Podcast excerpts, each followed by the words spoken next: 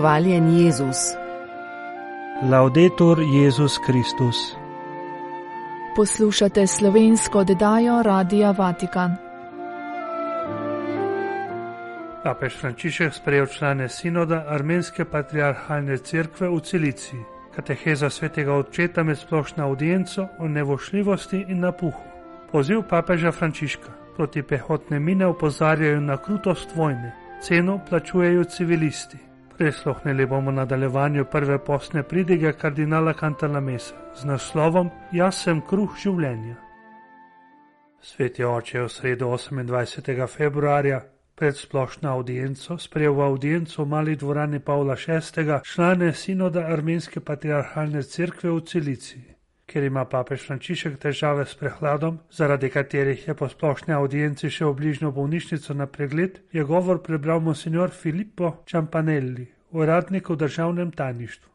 Prisluhnemo govoru. Beatitudine, cari fratelli vescovi, benvenuti. Blaženost, dragi bratje škofje, dobrodošli. Z veseljem vas pozdravljam v Rimu pri grobu apostolo Petra in Pavla po praznovanju godu svetega Gregorja iz Nareka, crkvenega učitelja. Kot škofje, nasledniki apostolov, smo odgovorni, da spremljamo sveto Božje ljudstvo k Jezusu, Gospodu in prijatelju ljudi, našemu dobremu pastirju. Zato smo se na dan posvečenja zavezali, da bomo ohranjali vero, okrepili upanje in širili Kristusovo ljubezen. Dragi bratje, ena od velikih odgovornosti sinoda je, da vaši cerkvi da škofe za jutri. Prosim vas, da jih skrbno izberete, da bodo predani čredi, zvesti pastoralni skrbi in nikoli stremuhi. Ne smejo biti izbrani na osnovi lastni simpatije ali težen. Prav tako je treba biti zelo pozoren na može, ki imajo poslovno žilico, ali na tiste, ki imajo vedno kovček v rokah in ljudstvo puščajo osirotelo. Škof, ki na svojo eparhijo gleda kot na prehodno mesto k drugi, prestižnejši, pozablja, da je poročen s cerkvijo in je v nevarnosti, dovolite mi ta izraz, da bo zagrešil pastoralno prešuštvo. Isto se zgodi, kadar izgubljamo čas za dogovarjanje o novih sedežih ali napredovanjih. Škofov ne dobimo na trgu, pač pa jih Kristus izbere kot naslednike svojih apostolov in pastirje svoje črede. V svetu, ki je poln samote in oddaljenosti, morajo tisti, ki so nam zaupani, v nas čutiti toplino dobrega pastirja, našo očetovsko pozornost, lepoto bratstva, božje usmiljenje. Sinovi vašega dragega naroda potrebujejo bližino svojih škofov. Vem, da so v zelo velikem številu razpršeni po svetu in to včasih na zelo prostranih ozemljih, kjer jih je težko obiskovati. Vendar pa je crkva ljubeča mati in mora iskati vsa mogoča sredstva, da bi jih dosegla, da bi božjo ljubezen prejemali v njihovem lastnem crkvenem izročilu. Ne gre toliko za vprašanje struktur, ki so samo sredstva, ki pomagajo pri širjenju evangelija. Gre predvsem za pastoralno ljubezen, za iskanje in pospeševanje dobrega z evangelskim pogledom in odprtostjo. Mislim tudi na nujnost še tesnejšega sodelovanja z armensko apostolsko cerkvijo. Predragi, v tem svetem postnem času smo poklicani, da gledamo na križ in da gradimo na Kristusu, ki zdravi rane z odpuščanjem in ljubeznijo. Dolžni smo se zauzemati za vse z veličino duše in duha, kot sveti Gregor iz Nareka, ki je takole molil. Gospod, spomni se tistih, ki so v človeškem rodu naši sovražniki, vendar za njihovo dobro, daj jim odpuščanje in usmiljenje. In s presoljivo preroško aktualnostjo je zapisal: Ne iztrebi tistih, ki me mučijo, spremeni jih, izkorenini pokvarjeno zemesko vedenje, ter v meni in v njih zakorenini dobro. Vi, bratje, skupaj z duhovniki, diakoni, redovnicami in redovniki, ter vsemi verniki vaše cerkve, imate veliko odgovornost. Sveti Gregor razsvetlitelj je prinesel Kristusovo luč armenskemu ljudstvu in to je bilo prvo, ki jo je kot tako sprejelo v zgodovini. Vi ste torej priče in tako rekoč prvorojenci te luči. Ste zora, ki je bila poklicana, da izžareva krščansko priroštvo v svetu, ki ima pogosto raje temo sovraštva, delitev, nasilja in maščevanja. Seveda mi boste lahko rekli, da vaša crkva številčno ni velika, a spomnimo se, da Bog rad dela čudeže s tistimi, ki so majhni. V tem smislu vas prosim, da ne zanemarite skrbi za majhne in oboge. Dajte jim zgled evangelskega življenja, ki je daleč od blišča bogatstva, od prevzetnosti oblasti. Sprejemajte begunce, podpirajte tiste v diaspori, kot brate in sestre, sinove in ščire. Z vami bi rad podelil še en vidik, ki ga čutim kot prednostnega: veliko moliti. Tudi za ohranitev tistega notranjega reda, ki omogoča, da delujemo v harmoniji, ko razločujemo evangelske prednostne naloge, ki so Gospodu ljube. Kot opozarja star latinski pregovor: ohranjaj red in red bo ohranjal tebe. Vaši sinodi naj bodo torej dobro pripravljeni, problemi skrbno preštudirani, modro ocenjeni. Rešitve, ki morajo vedno biti samo v dobro duš, naj bodo uveljavljene in modro, dosledno in kompetentno preverjene. Predvsem poskrbite za popolno preglednost tudi na ekonomskem področju. Zakone je treba poznati in uveljavljati, ne zaradi formalnosti, temveč zato, ker so orodje ekleziologije, ki tudi tistim, ki nimajo oblasti, da se s polnimi uzakonjenimi pravicami lahko sklicujejo na crkvo in se izognejo samovolji močnejšega. Rad bi vam zaupal še eno misel v zvezi s poklicno pastoralo. V sekulariziranem svetu, bogoslovci in tisti, ki se vzgajajo za redovno življenje danes, bolj kot kadarkoli potrebujejo dobro zakoreninjenost v pristnem krščanskem življenju, daleč od vsake razkošne psihologije. Prav tako duhovniki, zlasti mladi, potrebujejo bližino pastirjev, ki podpirajo bratsko občestvo med njimi, da ne bodo izgubili poguma pred napori in bodo dan za dnem bolj poslušni ustvarjalnosti svetega duha, da bi božjemu ljudstvu služili z veseljem, ljubezni, ne z okostenelostjo in jalovim ponavljanjem birokratov. Vsem upanje, tudi če je žetev velika in je delavcev vedno malo, računajmo na Gospoda, ki dela čudeže v tistih, ki van zaupajo. Blaženost, predragi bratje, kako se ne bi na zadnje z besedami, predvsem pa z molitvijo spomnili Armenije, zlasti vseh tistih, ki bežijo iz Gorskega Karabaha, številnih begunskih družin, ki iščejo zavetje, toliko vojn, veliko trpljenja. Prva svetovna vojna bi morala biti zadnja in države so se oblikovali v Ligo narodov, prvenec Združenih narodov, misleč, da bo to zadostovalo za ohranitev daru miru. In vendar od takrat, koliko spopadov in pokolov, vedno tragičnih in vedno nekoristnih. Toliko krat sem rotil, dovolj, naj od vseh nas odmeva krik miru, da se bo dotaknil src tudi tistih, ki so brezčutno zatrpljenja v bogih in ponižnih. In predvsem molimo. To delam za vas in za Armenijo. In vi, prosim vas, spominjajte se mene. In zahvaljujem se vam za vašo prisotnost in za vaše služenje. Preden vam bom podelil blagoslov, bi rad zmolil molitev svetega Neresa milostljivega. Vabim vas, da se mi pri tem pridružite v pričakovanju, da ga bomo lahko slavili, ko bo Bog hotel skupaj zbrati armenske apostolske cerkve.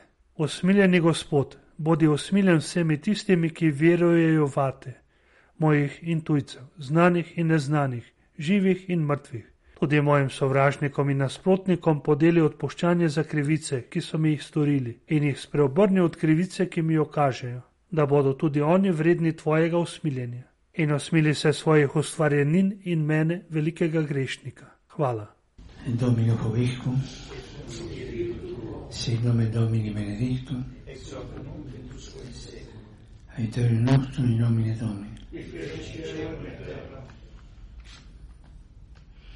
Bendicat vos, omnipotens Deus, Pater et Filius et Spiritus Sanctus. Amen. Kateheza med splošno audienco je bila namenjena nevoščljivosti in napuhu, zadnjima dvema grehoma v sklopu katehez o grešnih nagnjanjih in krepostih. Papež Frančišek je zaradi rahlega prehlada branje kateheze zaupal monsignorju Filipu Čampaneliju z državnega tajništva. Na začetku splošne audience se je bral odlomek iz petega poglavja pisma Galačanom, v katerem apostol Pavel pravi: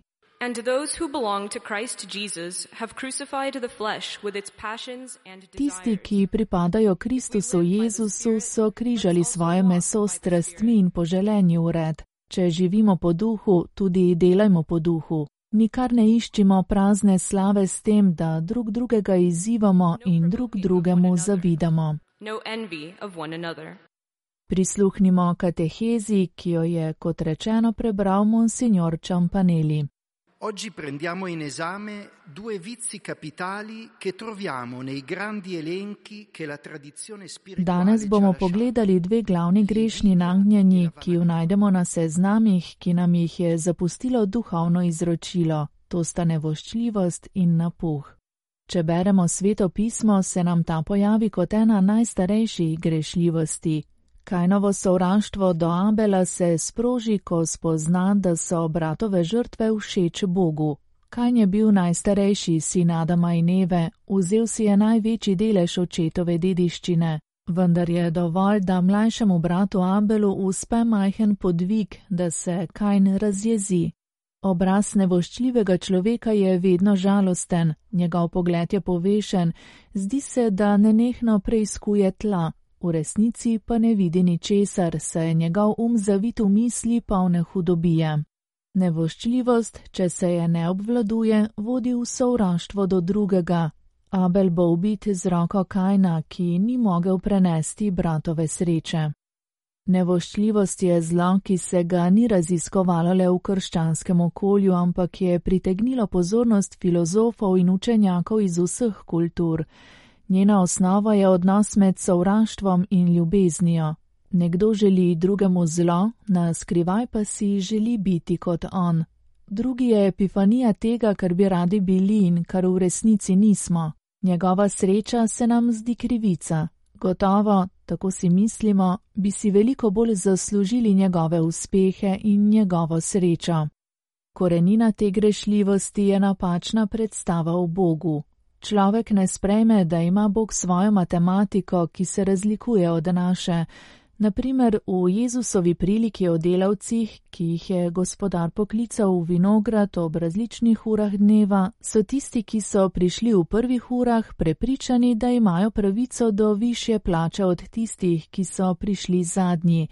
A gospodar da vsem isto plačilo in pravi, ali ne smem storiti svojim, kar hočem, ali si nevoščljiv, ker sem jaz dober. Bogu bi radi usilili svojo sebično logiko, a božja logika je ljubezen.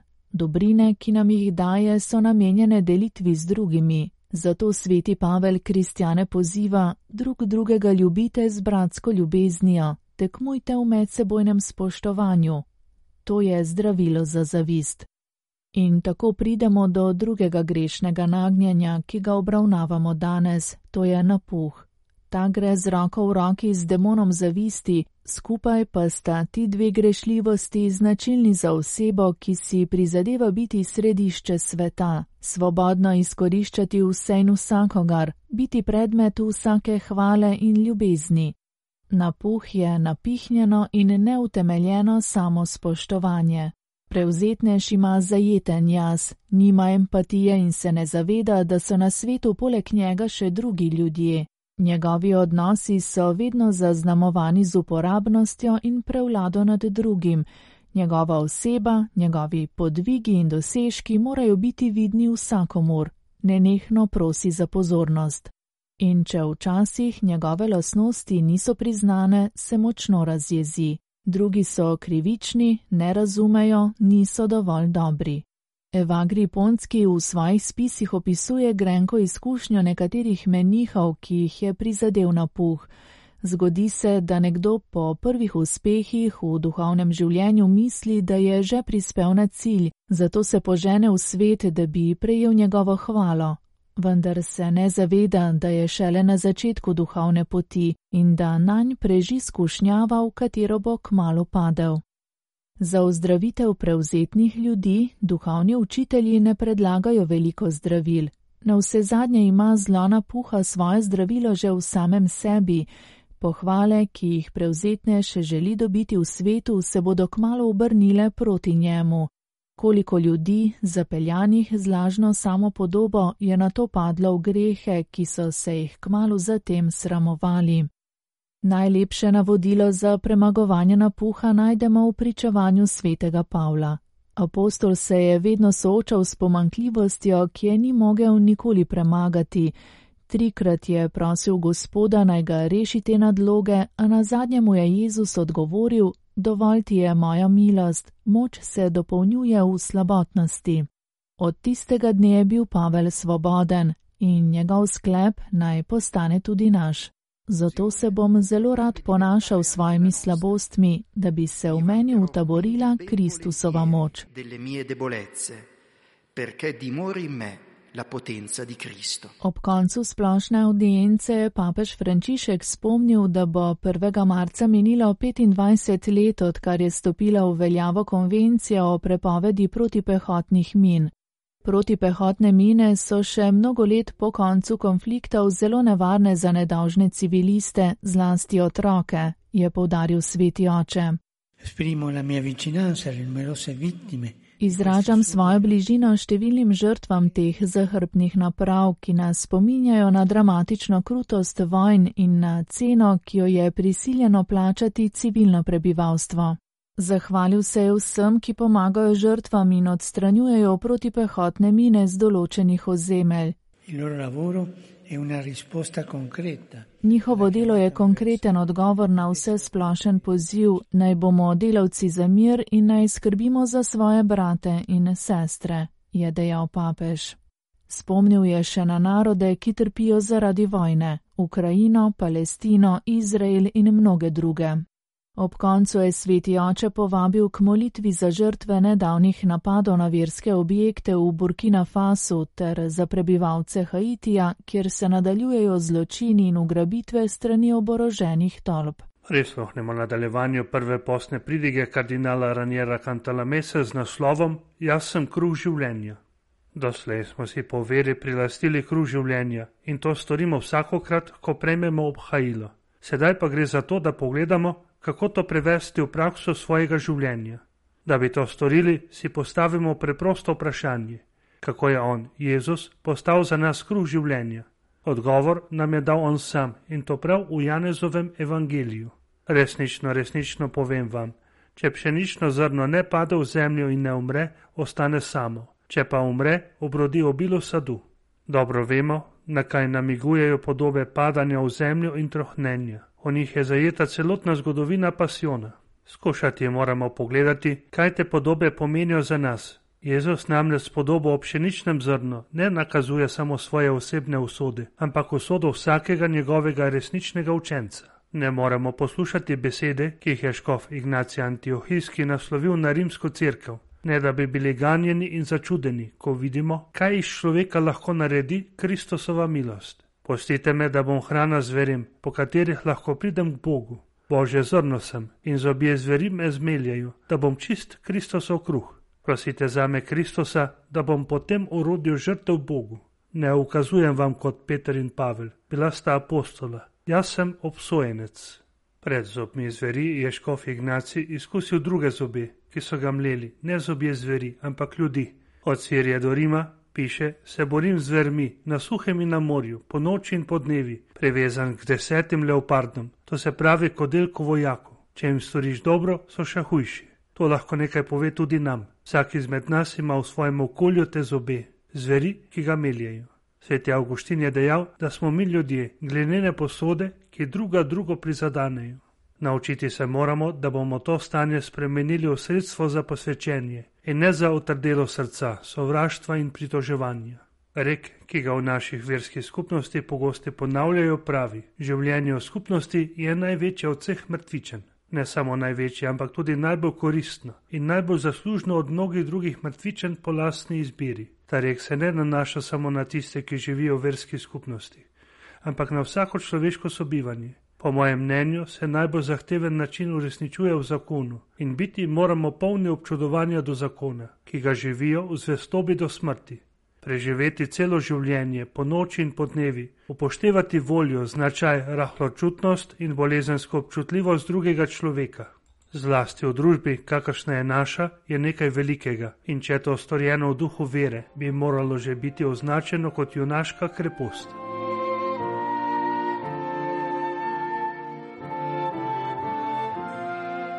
Poslušali ste slovensko oddajo Radia Vatikan.